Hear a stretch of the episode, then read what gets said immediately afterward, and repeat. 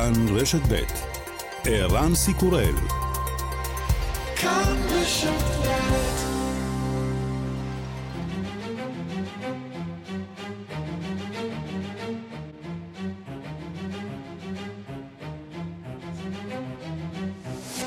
השעה הבינלאומית 13 בנובמבר 2022 והיום בעולם. הגל האדום נבלם, הדמוקרטים הצליחו לשמור על רוב בסנאט, לאחר שהסנאטורית הדמוקרטית קטרין קורטז מסטו ניצחה בבחירות לסנאט האמריקני בנבדה. כעת מחזיקים הדמוקרטים ב-50 מתוך 100 המושבים בסנאט, ואילו הרפובליקנים ב-49 מושבים. יושב ראש הסנאט צ'אק שומר חוגג ניצחון. The American people rejected soundly rejected the anti democratic, authoritarian, nasty, and divisive direction the MAGA Republicans wanted to take our country in. העם האמריקני דחה, דחה בנחרצות את הכיוון הלא דמוקרטי הרודני המרושע והמפלג שהרפובליקנים של טראמפ רצו לקחת את המדינה אליו.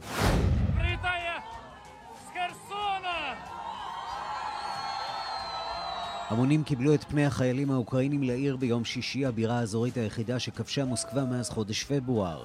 תמונות דומות נראו גם באזורים אחרים ברחבי אוקראינה, בהם הבירה קייב ואודסה. עשרה חודשים של כיבוש הותירו את חרסון ללא מים זורמים, תרופות ומזון. אספקת חירום מתחילה להגיע ממיקולאייב הסמוכה. באוקראינה אומרים כי בין 70 ל-80 אלף אזרחים חיים בחרסון כעת מתוך אוכלוסייה של 320 אלף שחיו בעיר התוססת לפני המלחמה. ועדיין אתמול הרחובות היו מלאים בחוגגים.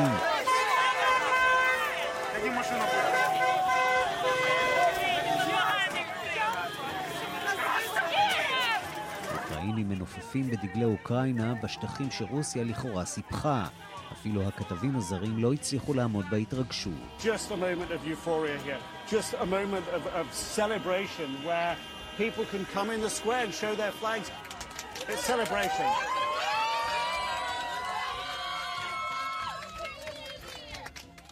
people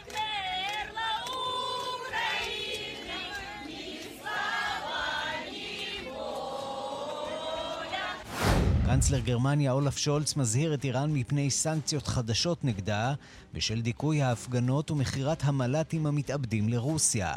Wir sehen den Kampf für Freiheit und Gerechtigkeit. Und wir sehen, dass iranische Drohnen ukrainische Städte angreifen und wie sie töten. אנחנו עדים למאבק של העם האיראני למען חופש וצדק, אנחנו עדים לאופן שבו מל"טים איראנים תוקפים את הערים האוקראיניות וכיצד הם הורגים אנשים. כל זה לחלוטין בלתי מתקבל על הדעת. אנחנו קוראים להפסיק את האלימות באופן מיידי וקוראים לשחרור עצורים פוליטיים ועיתונאים כלואים.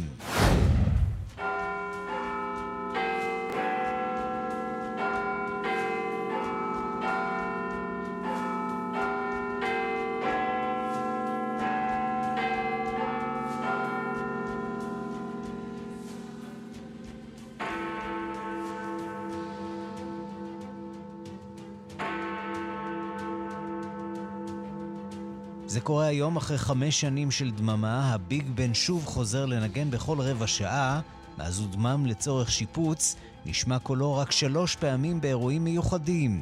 היום זה קרה לרגל אירועי יום הזיכרון. וגם...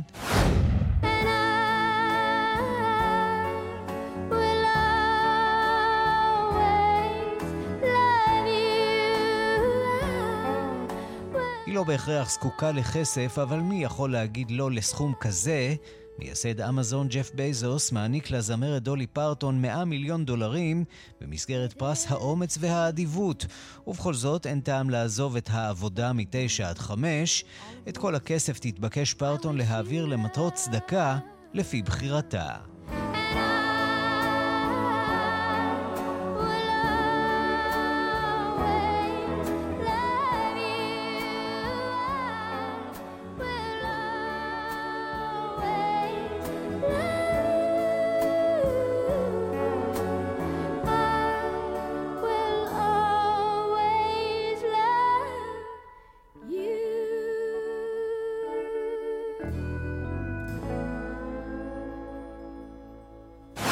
השעה הבינלאומית שעורך זאב שניידר, מפיקים נדב רוזנצוויג ואורית שולץ, בביצוע הטכני יאיר ניומן ושמעון דוקרקר, אני רנסי קורל, אנחנו מתחילים.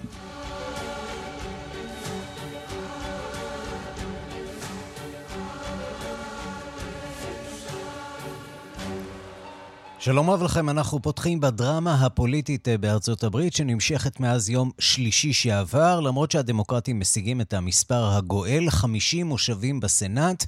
בבית הנבחרים הסיפור הזה לא נגמר, אבל עכשיו התמונה הולכת ומתבהרת, והשאלה היא מה הלאה? איך יראו השנתיים הקרובות? עוקב מלוס אנג'לס כתבנו יגאל רביד, שלום יגאל. שלום ערן, כן. אתה עם הנתונים ועם הקולות.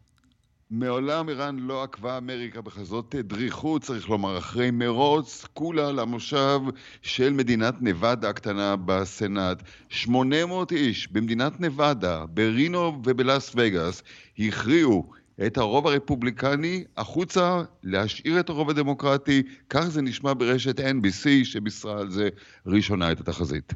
There it is. That's the check mark. Oh, wow. Catherine Cortez Masto declared is. by our decision desk the winner of the Nevada Senate race with Catherine Cortez Masto's victory in the Nevada Senate race. Democrats wow. now have control of the United States Senate insured. They have their 50 seats with Kamala Harris casting the tie breaking vote that guarantees Democratic control of the Senate for the next two years. למעשה זה לא נגמר, צריך להגיד. ואתה שומע גם את ההתרגשות של הפרשנים באולפן, מכיוון שהמתחרה שלה, אותו יריב רפובליקני, הוביל במהלך הספירה הרגילה, ואז הגיעו המעטפות, אותן אה, הצבעות בדואר, שהביאו אותה לרוב של חצי אחוז, 48.7 לעומת 48.2, ותשמע, זה לא הולך להיגמר בגלל שעכשיו מה שתשמע זה טענות שוב על זיוף ומרמה, כמו ששמענו לפני שנתיים. וכל זה מגיע למה? מכיוון שטענות על זיוף ומרמה נשמעו כבר אתמול, כאשר אה, בלייק מאסטרס, נאמנו של טראמפ, הפסיד למרק קלי במדינת אריזונה, כך הם הגיעו למנדט ה-49, או למושב ה-49 בסנאט. אה, ביידן כמובן שמח מאוד. נכון, זה לא נגמר איראן, מכיוון שהספירה על הקולות האחרונים של המושבים האחרונים בבית הנבחרים, אבל uh, עדיין נספרים, אבל נשיא ארצות הברית, ג'ו ביידן, שהגיע למערכת הבחירות הזו, חבול, מוכה עם 40 אחוזי תמיכה ועם מלמולים למובנים פה ושם, מאוד שמח, הנה דברים שהוא אומר הערב. Congratulations to Senator Schumer. He's got a majority again, and we're focusing now on Georgia. We feel good about where we are. And uh, I know uh, I'm a cockeyed optimist. I understand that from the beginning, but uh, I'm not surprised by the turnout. I'm incredibly pleased by the turnout. And I think it's a reflection of uh, the quality of our candidates.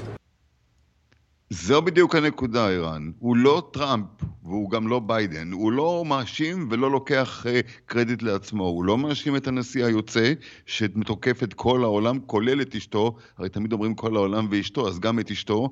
והוא גם לא אומר זה בזכותי, הוא אומר זה בזכות איכותם של המועמדים. Mm-hmm. וזו הנקודה, מכיוון שטראמפ גייס תומכי uh, uh, תיאוריות הזויות, אה, מכחישי בחירות, מכחישי קורונה, ומועמדת אלמונית, אישה ומועמדת לגמרי לא ידועה ולא חשובה, הצליחה להדיח בפריימריז לפני כמה חודשים את ליז צ'ייני, שמובילה את ועדת החקירה של שישה בינואר.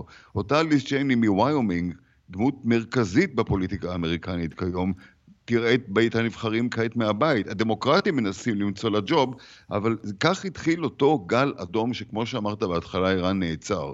הוא עכשיו, לא טראמפ, יהיה, הוא טראמפ לא קיווה שהגל האדום הזה, שהוא קיווה שיהיה ולא היה, אה, בעצם יביא אותו לקראת אה, הכרזה על אה, מרוץ מחודש של הבחירות. האם העובדה שלא ראינו כאן גל אדום, זה מה שימנע מטראמפ להתמודד בבחירות הבאות? כן, שאלתי חברים שלנו מאייפאק אה, בניו יורק ובניו ג'רסי, וגם, אתה יודע, אנחנו מקשיבים כאן לכל אה, הערוצים, בעיקר הערוצים הימניים, הטראמפיסטים והרפובליקנים, כולם מאוחדים בדעה הזו. הוא לא יכול להרשות לעצמו לסגת. אחרי שהוא הודיע מעל כל במה במהלך הבחירות האחרונות, שימו לב, בואו תהיו איתי במר הלאגו ביום שלישי, זה עוד יומיים, 15 בחודש, זה יבוא בוא יבוא, על הדרך הוא כבר החל את הפריימריז שלו ותוקף את יריבו העיקרי, רון דה סנטיס, מושל פלורידה, שהתקשורת הימנית מסמנת אותו, כפי שכבר אמרנו, כמועמד מול מועמד אפשרי בשמאל, או אם זה כנראה יהיה שוב ביידן, וזה נראה שזה יישאר ביידן, כמו שזה נראה כרגע. אז הנה דברים שאומר הנשיא לשעבר, דונלד טראמפ, על רון דה סנטיס, דברים מעליבים שכמותם אנחנו לא שומעים כל יום. Ron is a person, I've always had a decent relationship with him, but when I endorsed him, he was, he was gone. He was not going to be able to even be a factor in the race. And as soon as I endorsed him, within moments, he, the race was over. I got him the nomination. He didn't get it, I got it. אני המצאתי אותו בעצם. בזכותי הוא ניצח. כן. אתה שומע מה הוא אומר? בזכותי, הוא היה גמור, הוא היה כלום, עד שאני לא תמכתי בו. זה מה שאומר טראמפ על חברו, איש שהוא בעצמו טיפח וגידל. רון דה סנטיס, הצעיר יחסית, מושל פלורידה. בן 44 כמדומני, איש צעיר. ב-46, אבל האיש הזה הוא כרגע המועמד הרציני ביותר, ולא טראמפ אמר, וגם לא גורמים רפובליקנים בתוך המפלגה עצמה, למרות שהדברים נאמרים בלחישה. אלו הגורמים שמשפיעים על התקשורת הימנית, ובראשם רשת פוקס, ואפילו הדיילי פוסט בניו יורק. אז זהו, אנחנו כרגע, דיברת על הקונגרס, אנחנו על 218 המספר הקובע, שלרפובליקנים יש 211, הם צריכים עוד שבעה, לדמוקרטים יש 206, הם צריכים עוד 12, זה נראה כרגע שהרפובליקנים כן ישיגו רוב דחוק.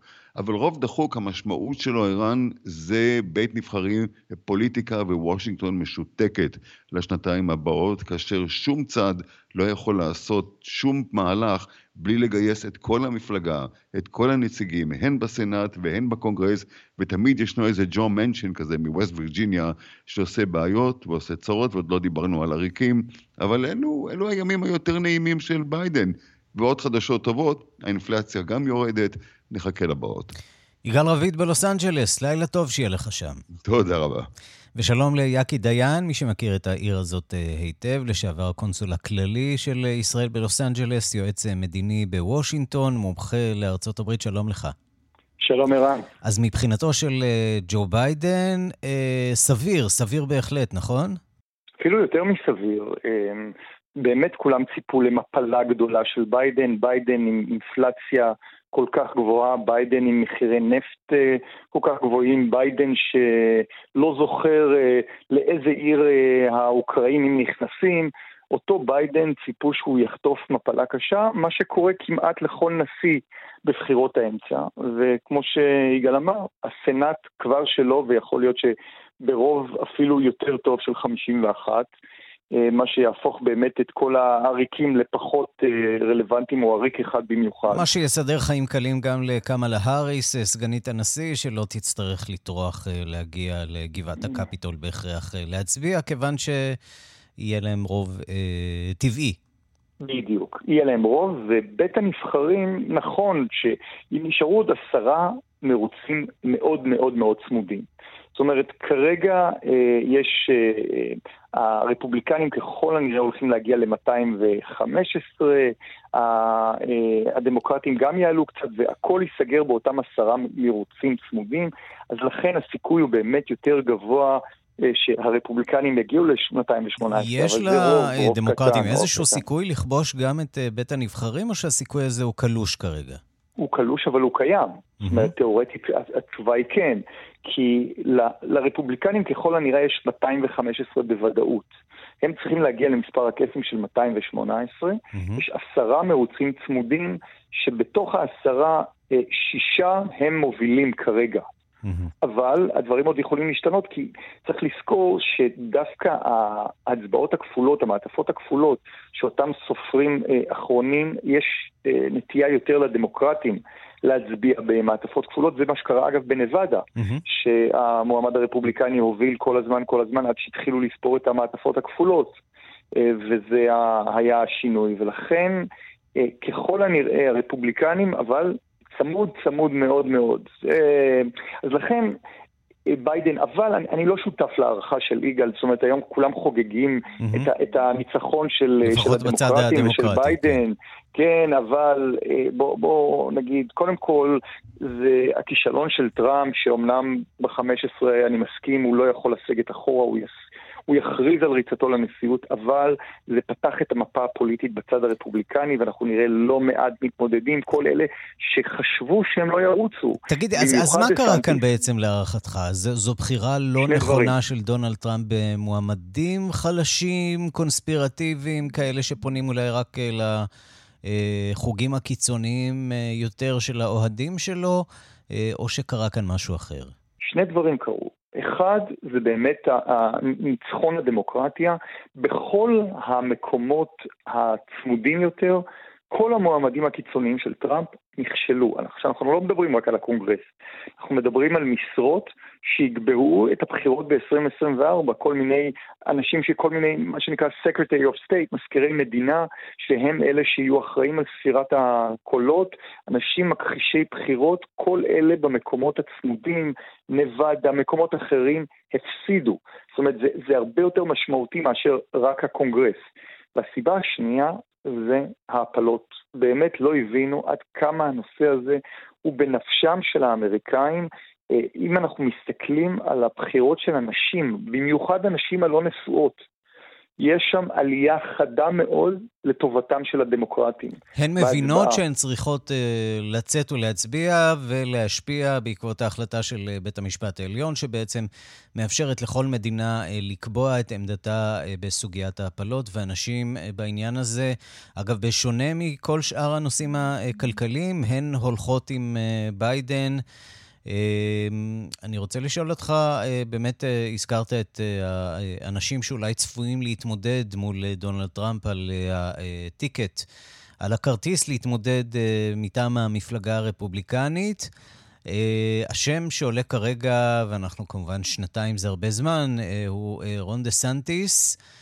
האם זה האיש ועד כמה יש לו יכולת באמת להתמודד עם ההרס הזה שדונלד טראמפ אה, כל כך מוצלח בו? הניצחון שלו בפלורידה היה פנומנלי. מדינה שהיא הייתה מדינה מתנדנדת. בבחירות הקודמות למושלות הוא ניצח באחוז אחד. ועכשיו הוא ניצח ב-20 אחוז, וכמעט כל התפקידים הלכו לרפובליקנים. באמת מדינה, ניצחון יוצא דופן של דה סנטיס, ללא ספק מציב אותו בראש הרשימה. הוא טראמפ, רק בלי כל המטענים שיש לו על הגב, אין משפטים, אין אה, הצהרות אה, אה, באמת מטורפות כמו שיש לטראמפ. לא ליברל לכן, גדול, אתה אומר. לכן המפלגה הרפובליקנית תרצה אותו, אבל אנחנו צריכים לזכור שיש גם את סגן הנשיא לשעבר מייק פנס, ש, שהציל את הדמוקרטיה כשלא הסכים לשתף פעולה עם טראמפ. ב-2020, תהיה ניקי היילי ומייק פומפאו, השטח הרפובליקני מאוד מאוד עשיר, סביר להניח שאם המפלגה, זה הפסד בעצם ארצי שני של טראמפ. גם ב-2020 וגם לסיום עכשיו. אני רוצה לשאול אותך, אה, שמענו כמובן בתחילת אה, השעה על כך אה, שהנשיא כאן בישראל נתן את המנדט לבנימין נתניהו להרכיב למעשה ממשלת ימין עם הימין הקיצוני הישראלי.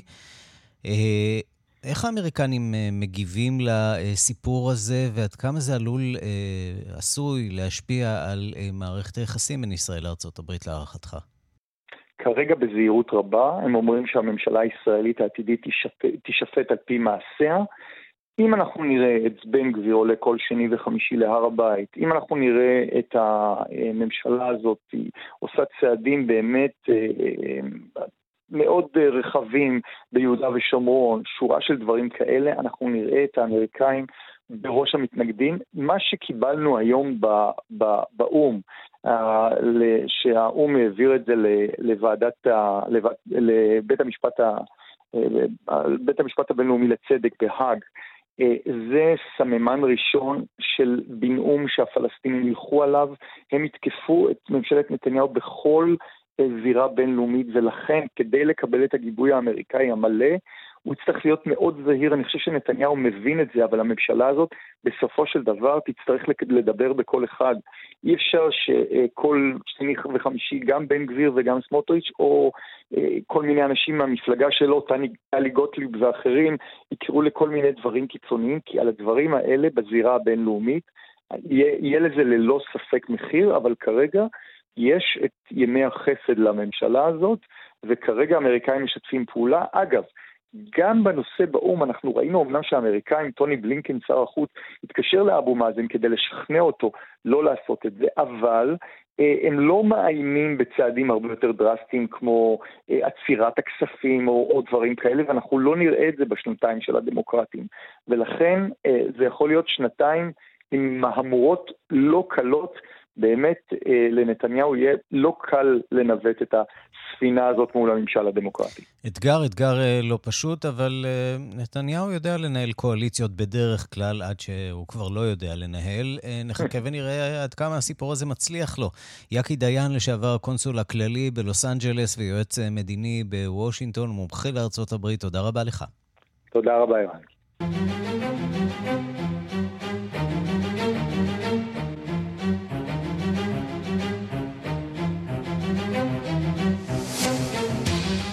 אנחנו לאוקראינה עכשיו, אנחנו ביום ה-263 לפלישה הרוסית לאוקראינה, והיום הוא יום של שמחה גדולה בחרסון ובסביבתה לאחר השחרור מהכיבוש הרוסי, אבל ראש העיר מזהיר, המצב ההומניטרי קשה מאוד, צבא רוסיה פגע בכל התשתיות החיוניות לפני שעזב. יש מחסור גדול במים, בלחם, בתרופות, והמחסור הזה עלול להחמיר בימים הקרובים. הדיווח של כתבת חדשות החוץ, נטליה קנבסקי.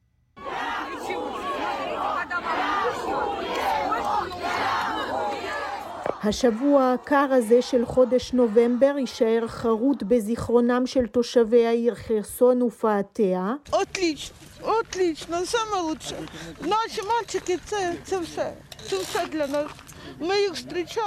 זה פשוט נפלא, נפלא, מעולם לא הרגשתי טוב יותר, הבנים שלנו הם הכל בעבורנו, חיכינו להם זמן רב וכעת אנו מברכים אותם כאן. מה שחיינו היה נורא, כך גלינה, תושבת חרסון, אחת מאלפים שיצאו בימים האחרונים לרחובות העיר המשוחררת כדי לקבל את פניהם של החיילים האוקראינים. Для нас це означає, що перемога ось ось буде десь уже рядом. Десь ми вже перемагаємо, ми вже і відчували, і відчуваємо цей смак перемоги. בעבורנו פירושו של דבר הוא שהניצחון כבר קרוב מאוד. אנו מנצחים, אנו כבר חשים את טעם הניצחון, איש לא יוכל לעצור אותנו, אומר סרקי, מפקד אחת היחידות האוקראיניות שנכנסו ראשונות לעיר, הכל כאן יודעים שהמצב בשטח עוד מסוכן, יחידות רוסיות רבות נתקעו בעיר ובסביבתה כי קיבלו פקודה לסגת מאוחר מדי, צילומי החיילים הרוסים המנסים לעזוב את האזור בכל האמצעים האפשריים סובבו השבוע את העולם, כוחות הביטחון האוקראיניים מנסים כעת לאתר את קבוצות החמושים הרוסים שמנסים להסתתר באוכלוסייה המקומית, גם הדרך לשיקום העיר ופאתיה לאחר חודשים ארוכים של כיבוש ושל ההפגזות הכבדות תהיה ארוכה וסבוכה, לתושבים אין אשליות, אך הם מוכנים לזה. השבת חרסון זהו ניצחון סימבולי בעבור העם האוקראיני, מסר אתמול נשיא אוקראינה ולדימיר זלנסקי. Станом на цей вечір силами оборони встановлено контроль більш ніж у 60 населених пунктах Херсонщини. Поліція розпочала стабілізаційні заходи. В самому ж Херсоні теж тривають стабілізаційні заходи. всюди. נכון לערב, כוחות הביטחון השיבו שליטה על יותר מ-60 יישובים באזור חרסון. המשטרה החלה בצעדים להשבת היציבות בחרסון ובסביבתה. בכל השטח המשוחרר למומחי הפצצות ומטענים שלנו יש הרבה עבודה, כאלפיים מטענים כבר נוטרלו, מטעני צעד, כבלים, תחמושת. לפני שעזבו את חרסון, הרסו הכובשים את כל התשתיות החיוניות, מים, חשמל, חימום, תקשורת. לראשיסטים בכל מקום יש מטרה משותפת, לעשות צחוק מאנשים, אך אנו נשקם את הכל, תאמינו לי.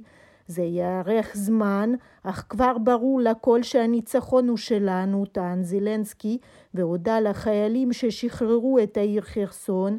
אותו הדבר יהיה גם בדונבאס ובחצי האי קרי מוסיף. למרות התמונות שמדברות בעד עצמן על הפריחה החפוזה והלא מסודרת משהו של הכוחות הרוסיים מאזור חרסון, בקרמלין ממשיכים עסקים כרגיל, לפחות למראית עין. коллективных решений сегодня принято не было, поскольку Соединенные Штаты и их западные коллеги לא התקבלו היום החלטות משותפות כי ארצות הברית ושותפיה המערביים בחרו בלשון שאינה מתקבלת על הדעת בכל הנוגע למצב באוקראינה, טען היום שר החוץ של רוסיה סרגי לברוב במסיבת העיתונאים המסכמת של פסגת מדינות אסיה שהסתיימה בקמבודיה. שלום לקרל וולך, איש עסקים ובלוגר בקייב שבאוקראינה. שלום, ערן. ימים של חגיגות, או שמשתדלים שהאופוריה לא תעלה לראש, המלחמה בכל זאת לא נגמרה? אה, גם אם משתדלים, בכל זאת יש שופר. אתה יודע, לו, לו זה היה אולי הניצחון הראשון, אז יכול להיות שכולם היו יותר זהירים, אבל זה כבר פחות, פחות או יותר הופך למסורת. זאת אומרת, לאנשים מגיעה הבנה שכן, אנחנו יכולים להצליח ויכולים לנצח. ולכן זה, זה נראה ממש, ממש שמח. תאר לנו ככה את האווירה אה, בקייב. מצד אחד יש את כל הבעיות ש, שנפלו בגלל ההפצצות, אה, במיוחד במערכות אה, חשמל. וזה גם השפיע מאוד על אינטרנט, וזה זה, זה ממש השפיע, השפיע. איך נראים החיים אה, עם כן. מחסור בחשמל? אר, ארבע שעות, יש, יש לך חשמל ו- ואינטרנט וכו', ואחרי זה ארבע שעות אין, אז מבחינת העבודה הכל משובש, ולא רק עבודה. אז אה, איכשהו משתדלים, אה, מחפשים פה כל מיני פתרונות, גנרטורים, בטריות, כל מיני דברים כאלה, ויש ביקוש אדיר, ו- וקונים ו- ועושים. זה, זה מצד אחד. מצד שני, באמת, במיוחד מה, ש, מה שאנחנו רואים גם ברחובות, גם בין האנשים, גם, גם בפייסבוק, ממש חגיגה. זאת אומרת, אנשים ממש מאמינים שאפשר לנצח, וזה זה, זה, זה נראה מדהים. כאילו כל האנשים כאילו מתקשרים, חייב לשתות היום איזה כוסית וזה, כי באמת המצב רוח מאוד מרומה. תגיד, ועם האוכל אה, מגיע התיאבון? יש פנטזיות על אה, השתלטות מחודשת על אה, חצי האי קרים, על חבל דונבאס, או שיש כן. הכרה שהחבלים האלה כבר לא, יח... לא יחזרו, לא במלחמה הזאת לפחות? אני לא רואה בכלל נכונות לא בצבא ולא באוכלוסייה לוותר על השטחים. פשוט אנשים לא מוכנים. לא מוכנים. מוכנים כאילו להילחם עוד, אבל כן להחזיר את כל, כל השטחים. מבחינה צבאית, ממה שאני קורא, פחות או יותר מומחים, שאני לא בטוח לא אחד מהם, אבל uh, לא מעט אנשים אומרים שיהיה קל יותר להחזיר את קרים מאשר את דונבאס. כי זה בגלל הגבול, שיש כל מיני אפשרויות של לוגיסטיקה ואספקה הצבאית לרוסים בדונבאס ופחות בקרים. לא יודע, אני מבחינתי בטוח שצריך uh, עוד זמן מה, צריך uh, לחזור למשא ומתן.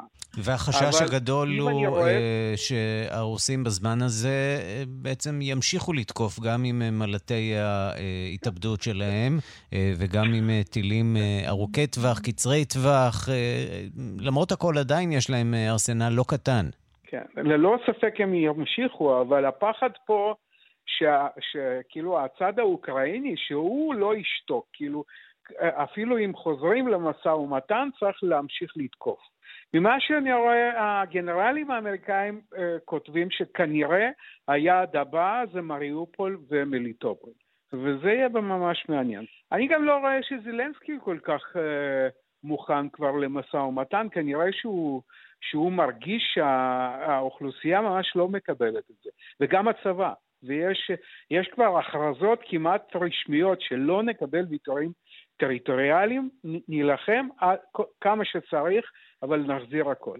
אני זוכר אותך בתחילת המלחמה ובתחילת כהונתו של אה, אה, זלנסקי, לא, לא התלהבת מי יודע מה מהאיש ומהיכולת שלו אני, להוביל אני, את העם האוקראיני. גם היום לא מתלהב במיוחד. אוקיי. גם היום לא מתלהב במיוחד. Uh, יתרה מזו, לדעתי הוא כדיפלומט הוא חלש מאוד, אבל מה? בכמה חודשים האחרונים הוא ממש אה, הפך למין נץ כזה שהוא לפחות אה, מכריז על זה שהוא רוצה להילחם, שאין מה לדבר עם הרוסים, במיוחד עם פוטין וכו', אז אם אתה רואה אז ביידן שולח לפה את סליבן כדי ש... אה, לשכנע את זלנסקי שבכל זאת לא צריך את ההכרזות האלה, ואם תהיה אפשרות לחזור למשא ומתן, אז צריך לחזור מה, יכול להיות שזלנסקי יתאהב קצת אה, בעמדת הקדוש המעונה, אה, הקדוש המנצח? לדעתי כן, לדעתי כן. תראה, הוא גם פופוליסט, כאילו הוא פופוליסט ממש לא קטן. הוא משחק את מה שהוא חושב ש, שיהיה לו הצלחה. קודם הוא היה משחק יונה, עכשיו הוא משחק נץ, וזה, היום זה הולך לו יותר, כאילו היום זה נמכר יותר, אז זה מה שהוא מכריז, עד כמה זה חכם גם זה לא היה חכם וגם זה לא חכם במיוחד, אבל לפחות זה תואם למצב רוח של, ה, של המדינה. אתה יודע, אנחנו רואים את החגיגות אה, בחרסון ביממה האחרונה, אה, ונזכרים בכך שלמעשה אה, שלושה רבעים מהעיר הזאת, מהתושבים של העיר הזאת, כבר לא חיים בה, כבר לא נמצאים בה. מה אנחנו יודעים על התושבים האלה? איפה הם נמצאים? הם היגרו בתוך אוקראינה? אולי דווקא הוגלו לרוסיה? גם וגם. גם וגם. גם המצב לא היה, אה, לא היה קל, ואנשים ברחו. חלק מהם כן ברוסיה, חלק גדול באוקראינה, וגם בינתיים מזהירים את, את האנשים לא לחזור, לא למהר לחזור לשם, משום שפשוט אה, מסוכן, פשוט מסוכן עדיין. אבל אה, זה, כנראה העיר תחזור להיות, לחיות כמו עיר נורמלית, מה שכן, מאז שהרוסים נסוגו, אז uh, הם יתחילו להפציץ את, ה, את, את, ה, את העיר, זה ללא סוף. קרל וולך... יהיה, יהיה שם עוד יותר מסוכן. קרל וולך, אה, איש עסקים אה, ובלוגר בקייב שבאוקראינה, תודה רבה לך על הדברים. תודה, ביי ביי. אנחנו נשארים באוקראינה עם בנקסי, אומן הגרפיטי הבריטי. עושה זאת שוב, הפעם בקייב, או לא רחוק מקייב, בעיר בורודיאנקה. אה, בסוף השבוע הוא פרסם תמונה אה, של עבודת גרפיטי חדשה בתוך אה, חורבות העיר הזאת. לא ברור אם אכן האומן הוא זה שצייר את התמונה, אבל מה שברור שאומנותו, כמו תמיד, מבקשת להיות גם באזורי קונפליקט, ואנחנו רוצים לומר שלום למי שפגשה אותו חרף זהותו החסויה, מירי קרימולובסקי. שלום מירי. שלום, שלום, ערן, אז היום את תגלי לנו, היום את תגלי לנו מיהו בנקסי, נכון? אז בנקסי הוא אומן אה, מבריסטול, שאגב, הרבה הכירו אותו. אה, לא, ממש ממש מיהו בנקסי. כל מיני דברים. אז בנקסי הוא, אה, זה כמובן שם, רוב אומני הגרפיטי שעוסקים בדברים פוליטיים, גם באזורי קונפליקט. הם כמובן משנים את שמם, אבל הוא אומן, אני יכולה להגיד לך שהוא כן מוכר באנגליה במקומות שהוא עובד בהם. אה, באמת הפעילות שלו באוקראינה מעלה שאלה האם הוא באמת שהיה שם, אבל העיר המדוברת שהיא אחת הערים הכי ארוסות, הם עשו שם הרס נוראי, לא סתם הרס, בנסי גם כתב על זה, ששם הטמינו פצצות, וגם אחרי שהם יצאו, יצאו, היו פצצות שכשהזיזו שם כל מיני דברים, עוד גרמו להרס נוסף. זאת אומרת, לא הספיק להם מה שהם עשו בזמן שהם היו שם, הם עוד השאירו אחריהם. אה, אז לא ברור אם הוא היה, צריך להזכיר שהעיר נכבשה בפברואר ונהרסה בצורה נוראית, אבל באפריל היא שוחררה והיום היא עוברת שיקום, אז יכול להיות שהוא היה. אה, הוא פרסם ציור מאוד מאוד יפה של אה, מין אקרובטית, עומדת על הידיים, עושה מין תרגיל בלט כזה הפוך, קצת כמו בן גוריון על הראש, דומה קצת, בתוך בית הרוס לחלוטין, לא ברור אפילו איך הוא או מי שעובד איתו קיבל בכלל רשות להיכנס לשם ולצייר את זה במקום הכל כך מסוכן. אה, טוענים, למרות שבנקסי לא פרסם את זה בעצמו, שעבודה נוספת שמוצגת שם, ולבנקסי יש אה, טביעת אצבע, לכן כשהוא רק התחיל להתפרסם, אנשים בבריסטול אמרו, אה, אנחנו יודעים מי זה, אנחנו מזהים, מזהים את הסגנון שלו, הוא מצייר בשחור לבן, כאילו רפורטאז' העיתונאית, לפעמים יש כתם אדום, כמו הילדה עם הבלון המפורסמת, שרק הבלון כמובן היה אדום. אז הגרפיטי הנוסף שפחות מדברים עליו, אבל גם הוא נמצא שם בעיר, וכנראה, שוב, שהוא, או שהוא או מישהו שהוא הפעיל, רואים אה, מין מאבק בין לוחם ג'ודו עם אה, חולצה, עם חגורה שחורה, לבין ילד שמצליח להפיל אותו. ואם מסתכלים היטב, זה קצת מוסתר, אבל הפנים של הלוחם הגדול שילד קטן הצליח להפיל אותו ולעשות לו נוט-אאוט, הם הפנים של פוטין. ואני חושבת שבגלל שכאן יש uh, מי שמזהה את הפנים, שזה משהו מאוד ספציפי, כי הוא תמיד עושה דברים מאוד כלליים, מדבר נגד המצב, על המצב, אבל אף פעם לא דמות ספציפית, לכן לא ברור אם זה הוא, או אם נגיד יותר מזה, יכול להיות שזה כן הוא, אבל הוא לא רוצה להזדהות כצייר של הציור הזה. בעצם ניצחון של כאן, אה, דוד מול גוליית, זה המסר שלו. ממש, זה בדיוק נראה כמו ניצחון אה, דוד על גוליית, ונזכיר שהיצירות שלו שוות מיליונים. אני מאוד מקווה שלא יהיה, כי זה מה שתמיד קורה, מישהו שיבוא, כמו שקרה בהרבה יצירות שלו, עם פטיש אוויר, אתה יודע, זה כמו הדבר הזה בתעלת בלאומיך. אה, ויוריד את זה מהקיר, מאוד יכול להיות שמישהו טוב, גם אם לא יורידו, אנחנו יודעים שגם הוא אה, דואג לעיתים אה, לחבל ביצירות שלו עצמו. נכון, אפשר נכון בהקשר מאוד. הזה להזכיר את היצירה שהוא החליט לגרוס. אחרי שמכר אותה במיליונים. האיש הזה מלא הפתעות. מירי קרימלובסקי, תודה. תודה לך, ערן. השעה הבינלאומית, משבר דיפלומטי פרץ לפני שבוע בין איטליה לצרפת. הצרפתים טוענים כי איטליה אילצה אותם במרמה לקבל לשטחם ספינת מהגרים שהייתה אמורה לעגון בסיציליה. שתי המדינות מאשימות זו את זו בהתנהגות לא אנושית כלפי המהגרים בים התיכון. הדיווח של כתבנו ברומא, יוסי בר. המשבר הדיפלומטי שפרץ השבוע בין איטליה לצרפת מעיד על חוסר הסולידריות והאמון שקיים בין מדינות האיחוד האירופי. קשה לדעת מי אשם, אך הצרפתים החליטו להקפיא את הסכם חלוקת המהגרים שנחתם בחודש יוני, שבו החליטו 13 מדינות האיחוד לחלוק את נטל המהגרים ביניהן.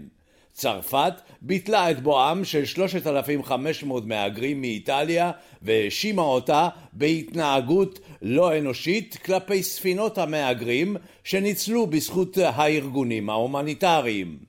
הפרשה החלה לפני שבוע כאשר ממשלת הימין של איטליה סירבה לקבל לשטחה מאות מהגרים שהגיעו באמצעות ספינות הצלה. בלחץ דעת הקהל הבינלאומי הסכימה איטליה לקלוט רק את המהגרים החולים. היא עשתה סלקציה בין המהגרים ובסופו של דבר הרופאים החליטו כי יש לקלוט את כולם. חוץ מספינה אחת ובה 243 מהגרים שלדברי כלי התקשורת הצרפתים הסכימו לקלוט. אבל נראה כי כלי התקשורת טעו וכי הצרפתים לא הסכימו לקלוט שום מהגר. לא ברור אם מדובר בטעות של כלי התקשורת או בהדלפת מידע כוזב.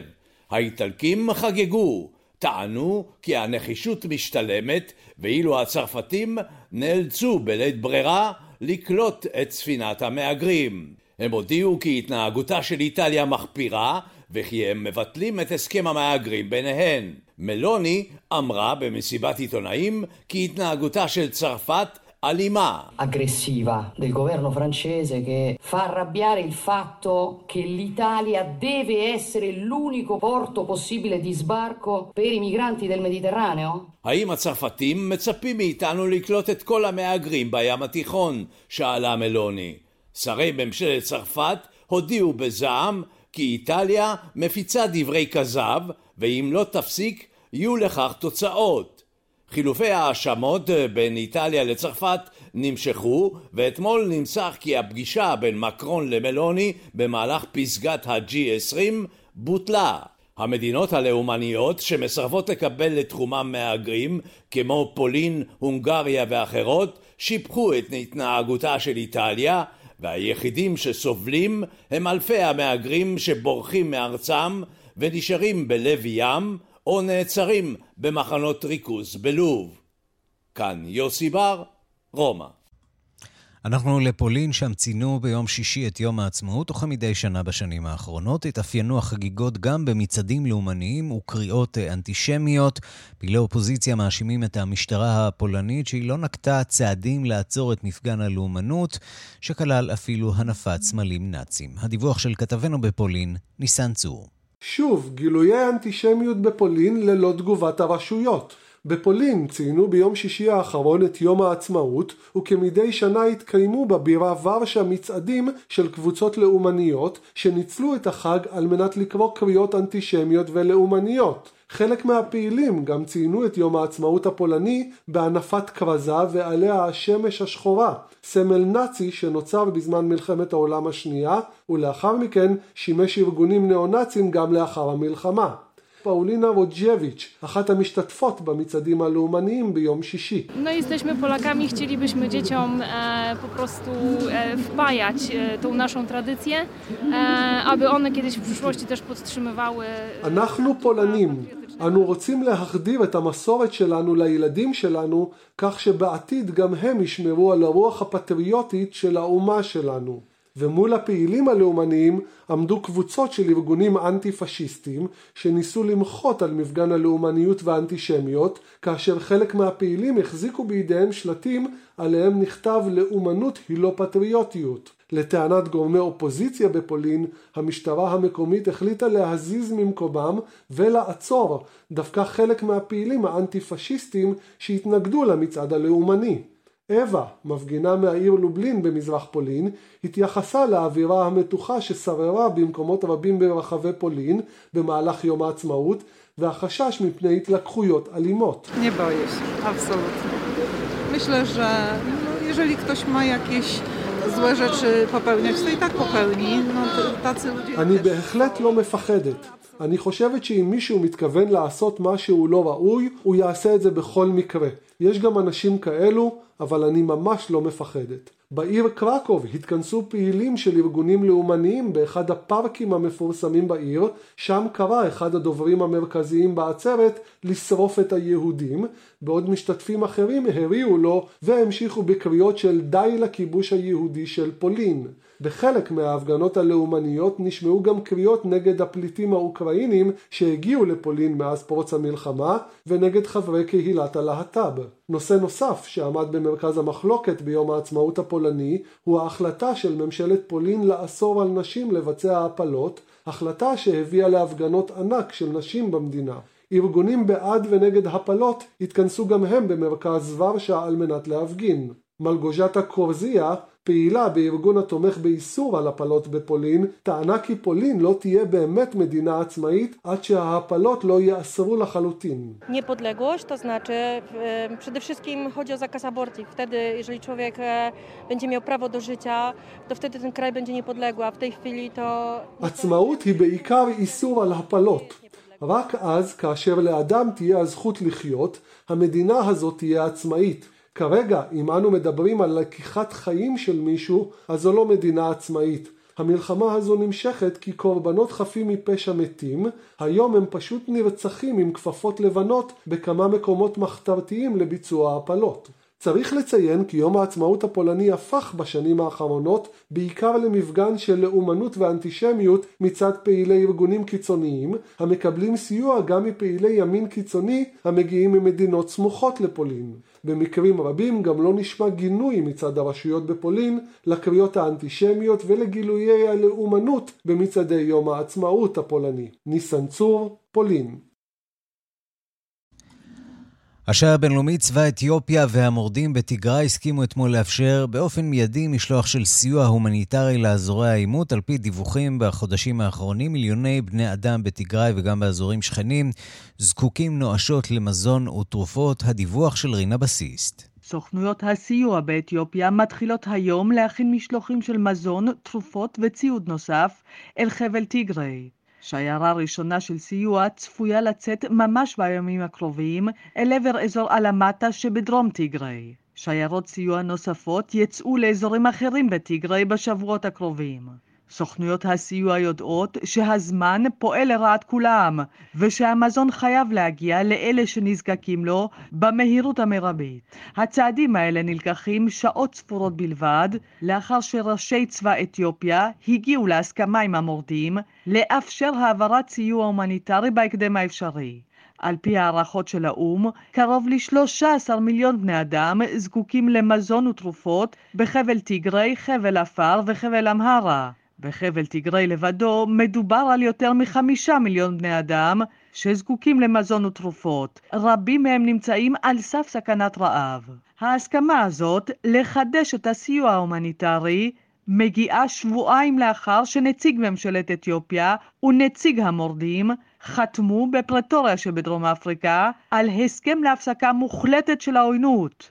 על פי ההסכם ההיסטורי שנחתם בשני לנובמבר, גוף משותף אמור לפקח על פירוקה מנשק של החזית העממית לשחרור טיגריי. נציג ממשלת אתיופיה שחתם על ההסכם בפרטוריה לא לקח אחריות על מה שאירע בשנתיים האחרונות בטיגריי, אבל כן קרא למחויבות של שני הצדדים לכבד את ההסכם.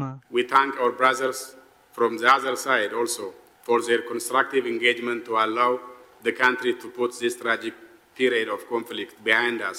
It is now for all of us to honor this agreement. אנו מודים לאחים שלנו מהצד השני על המחויבות הקונסטרוקטיבית שלהם לאפשר לשים את התקופה הטרגית הזאת של העימות מאחורינו. כעת על כולנו לכבד את ההסכם. עלינו לכבד כל מילה בהסכם ולכבד את רוחו של ההסכם, כך אמר הנציג. הנשיא לשעבר של ניגריה, אולסגונה בסנג'ו, היה זה שתיווך בין הצדדים כדי להגיע להסכם שיפסיק את המלחמה המתמשכת. הישג לא מבוטל עבור האיחוד האפריקני לאחר ארבעה ניסיונות קודמים להגיע להסכם, ניסיונות שכשלו. Is the beginning of a new dawn for Ethiopia, for the Horn of Africa, and indeed for Africa as a whole. היום הוא התחלה של אופק חדש עבור אתיופיה, עבור קרן אפריקה, ובעצם עבור כל אפריקה. כך אמר אבא סנג'ו בפרטוריה, בטקס חתימת הסכם הפסקת העימות. עבור רבים מאזרחי אתיופיה שנעקרו מבתיהם, האופק החדש הזה עוד רחוק מאוד מאוד. כאן רינה בסיסט.